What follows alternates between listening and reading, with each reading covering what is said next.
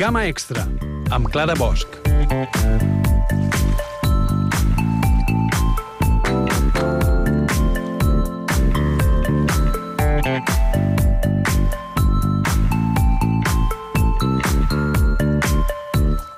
I avui ja estem a 3 de setembre i això vol dir que comença la rutina, que comença d'aquí molt poc el curs escolar, però els professors ja fa uns quants dies, poquets, això sí, que ja s'estan preparant per aquest nou curs i avui volem parlar amb ells, amb elles, sobre com s'estan preparant, com serà aquest nou curs i què n'esperen. Tenim amb nosaltres a la Paula Palacios. Paula, bon dia. Bon dia, bon dia, Clara. Gràcies per convidar-nos.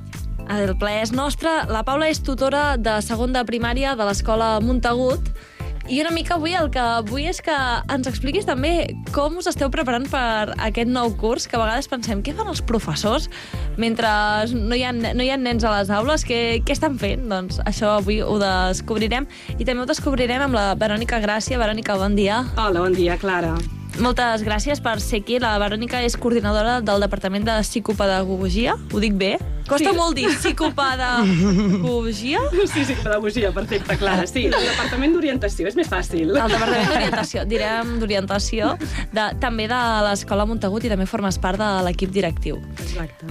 Ara us he presentat uh, jo, però vosaltres podeu afegir alguna cosa més relacionada doncs, amb, la, amb la vostra feina, amb l'educació, en el teu cas, Paula. Què, què, què més hem de saber de la Paula, la professora?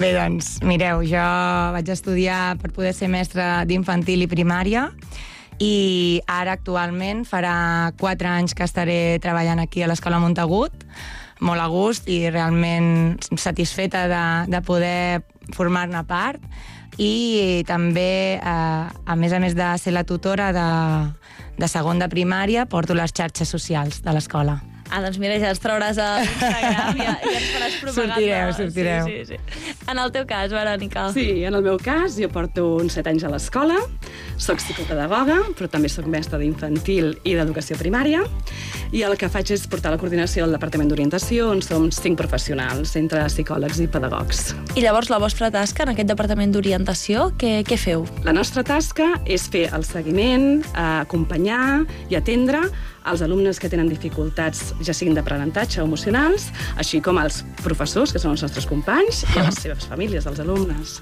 O sigui que al final sou un suport tant emocional com educatiu, doncs molt important.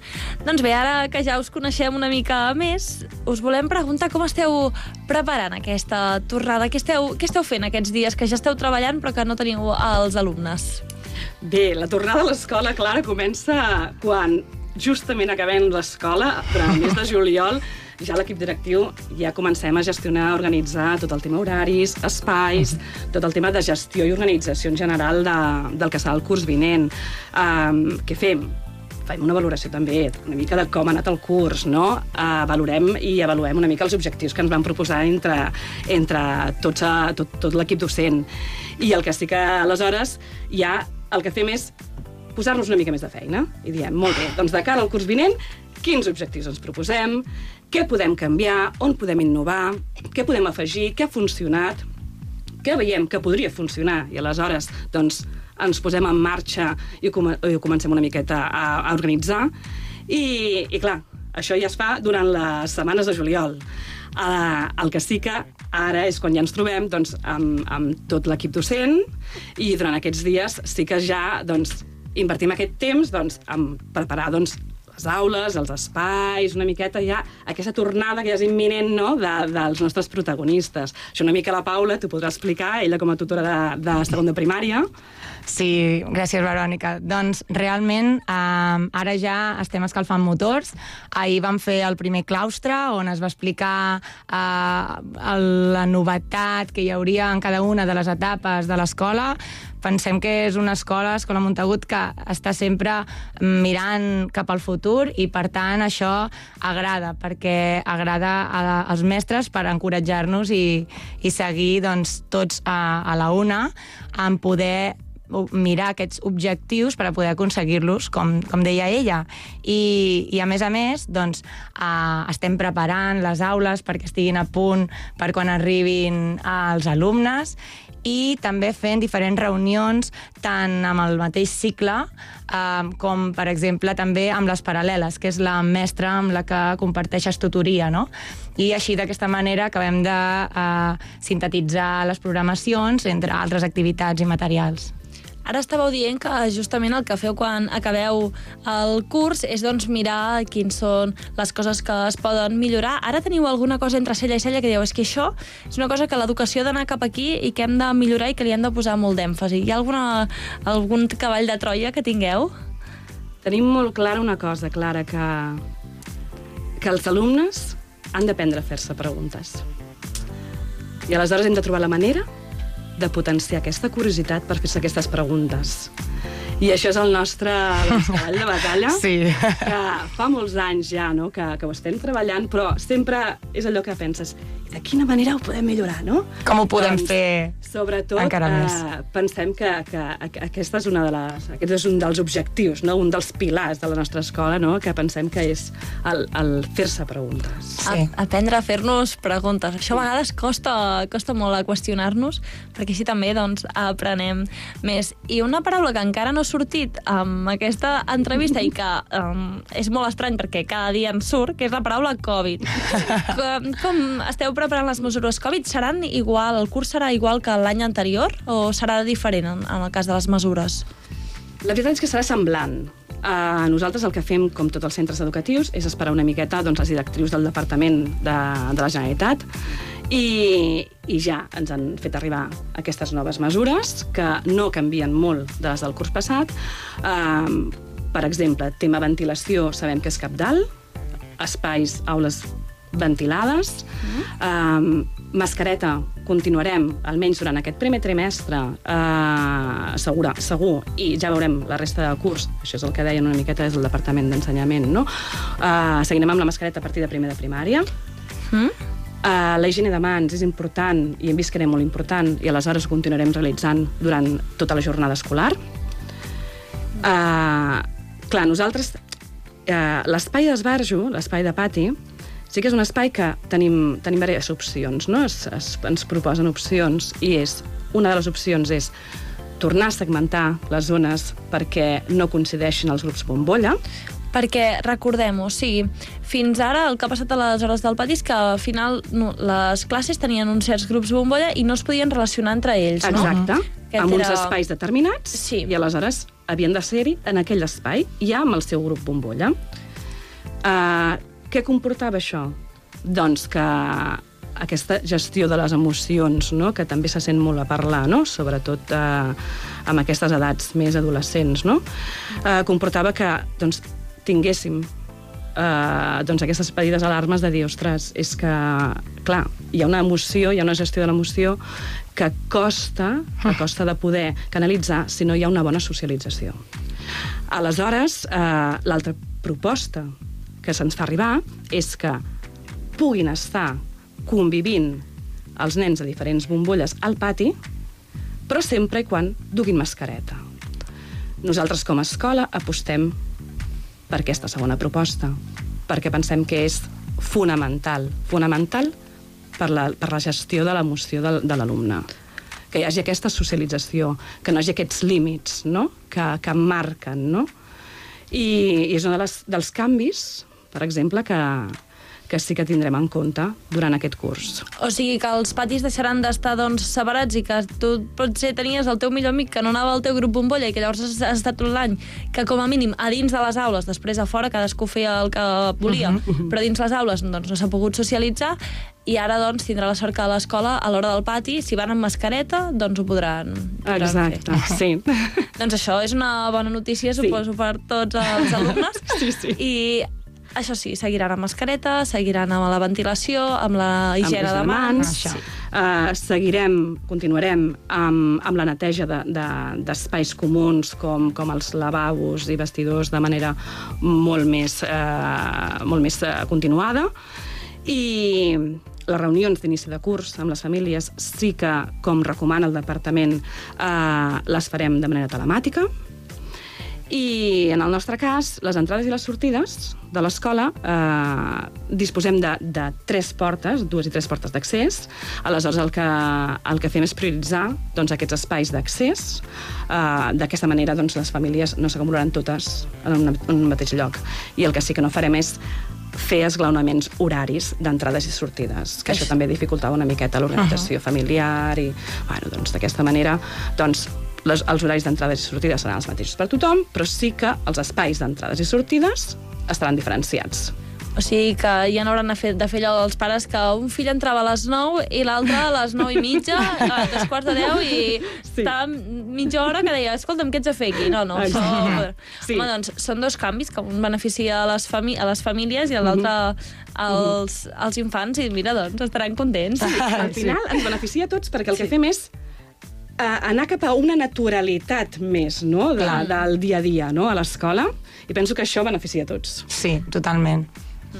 En el, en el cas de les classes en concret, alguna mesura més? No, no se m'acudeix què, què més es pot parlar de, del Covid, però... No, realment pensem que, que el curs més difícil va ser el curs passat, ja que hi havia novetat i ens havíem d'adaptar tots, eh, mestres, famílies, tot el personal eh, de l'escola i sobretot els alumnes, no? I per nosaltres va ser eh, una gran sorpresa i d'agraïment veure la resposta d'aquests infants, d'aquests alumnes, que, que van mostrar-se resilients a la situació, que, flexi que es mostraven flexibles també a acceptar el que estava passant i bé, a, a, tenint en compte el que dèiem abans, de que els alumnes s'havien de fer preguntes, aquí en aquest moment s'estaven fent moltes preguntes, no?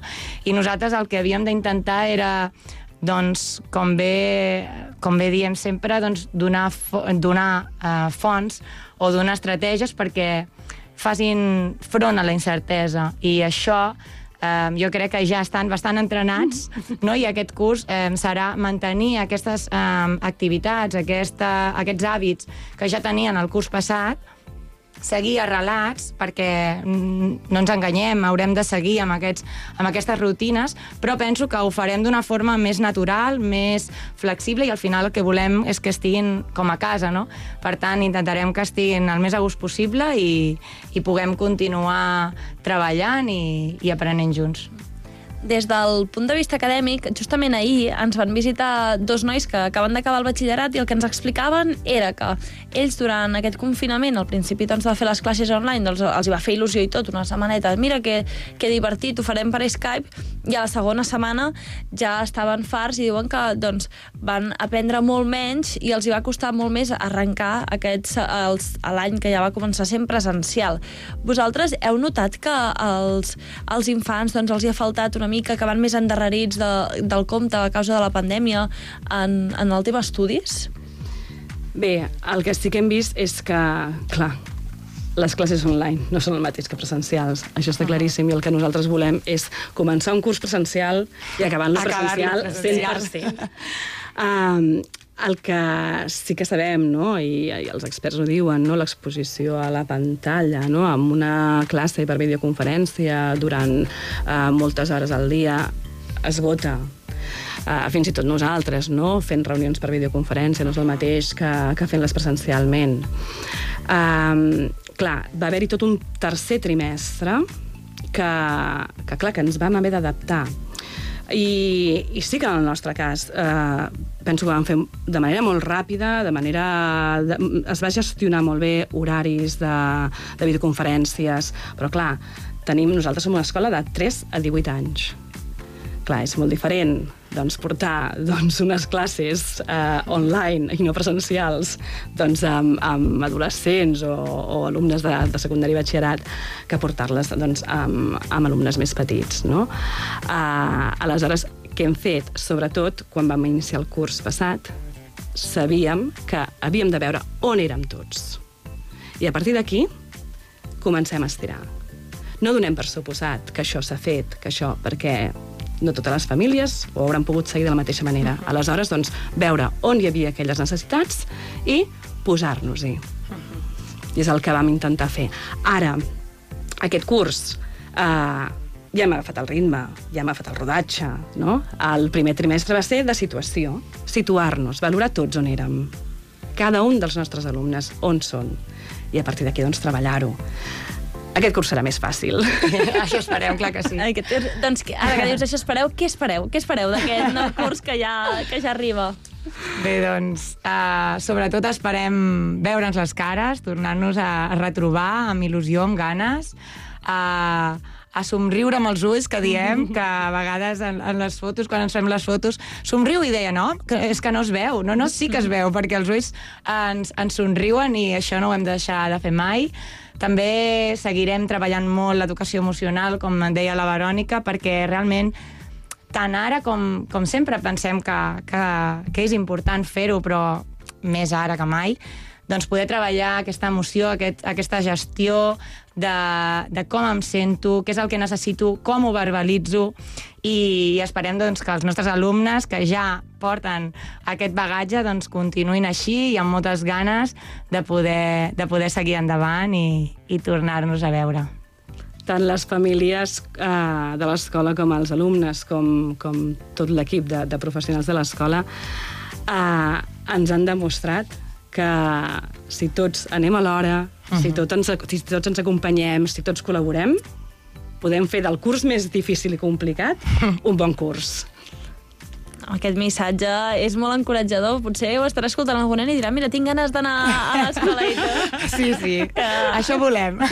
Sí, que suposo Els estem que... esperant. Sí, que et preferiríem potser estar de festa major, que ja avui, avui ja s'ha acabat. Bé, amb, amb el poc que han pogut fer també, pobrets, no sé si ja tindran ganes que com a mínim l'escola serà una mica de normalitat. Exacte. Ja més.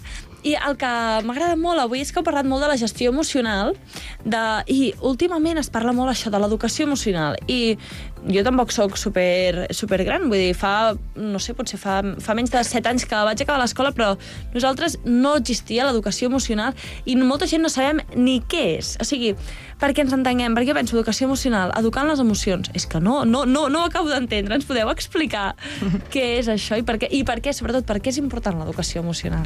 Sí, l'educació emocional no ve a ser res més que l'autoconeixement d'un mateix i també el voler i el saber i tenir ganes de conèixer l'altre. A partir d'aquí, és gestionar què és el que m'està passant, com ho visc. És conèixer, conèixer el que en aquell moment estàs sentint i, en aquell, i el que en aquell moment estàs sentint també la persona amb la que eh, convius i tens al costat.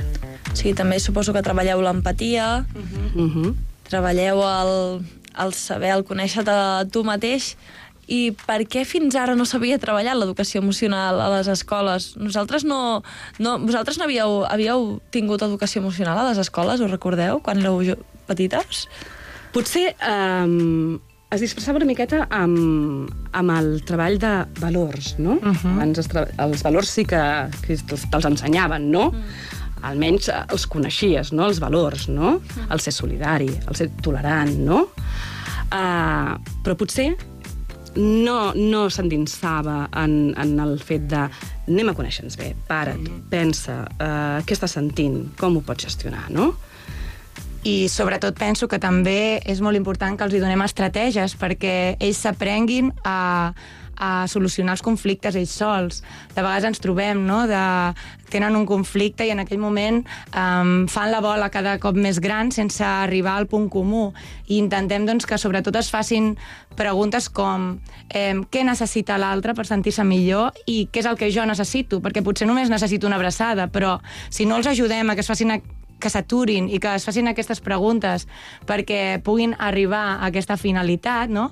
doncs uh, no hi ha la, la possibilitat d'arribar a un acord. Aleshores, pensem que, que això és molt important. I també, um, lligat amb això, molt important la manera com, com ens dirigim nosaltres als alumnes i com es dirigeixen ells a ells mateixos. Si nosaltres els hi parlem amb la paraula en positiu, si, per exemple, els hi diem baixa el to de veu en comptes de fer, eh, calla i fer silenci, no? És molt diferent si diem respecte al torn en comptes de no parlis quan, no? O, per exemple, comparteix en comptes de no li treguis. És molt important, penso, que que ens acostumem, de vegades a tots ens costa de, de fer aquest canvi de xip, però si ens acostumem a fer-ho, penso que ells mateixos també es parlaran d'aquesta manera i parlaran als seus companys d'aquesta manera. I, i considerem que, que anem cap a, cap a aquest camí, no? Aquesta educació emocional no només cal a les escoles, eh? Ara que veig. Vull dir que n'hauríem de fer n'hauríem de fer tots. Ens podries fer un curs, Verònica, que mirem a la ràdio i ens fas educació emocional per, per les persones que estem tots tarats ara mateix. Ja. Sí. sí, sí. Doncs bé, jo aquí ja m'ha deix... quedat molt clar doncs, com esteu començant l'escola. Sobretot veig en vosaltres la, la passió per, per la feina que, que també s'agraeix. Doncs trobar persones que els agrada el que fan i que esteu, esteu, esteu molt ben preparades. Ja poden venir demà, no, els alumnes? Oh, o... tant! Sí, ja. ja poden arribar. Ja poden arribar. Doncs Paula Palacios, tutora de segon de primària de l'Escola de Montagut, moltes gràcies. Moltes gràcies, Clara. I Verònica Gràcia, coordinadora del Departament de Psicopedagogia i membre de l'equip directiu, també moltes gràcies per acompanyar-nos. Gràcies a vosaltres, Clara.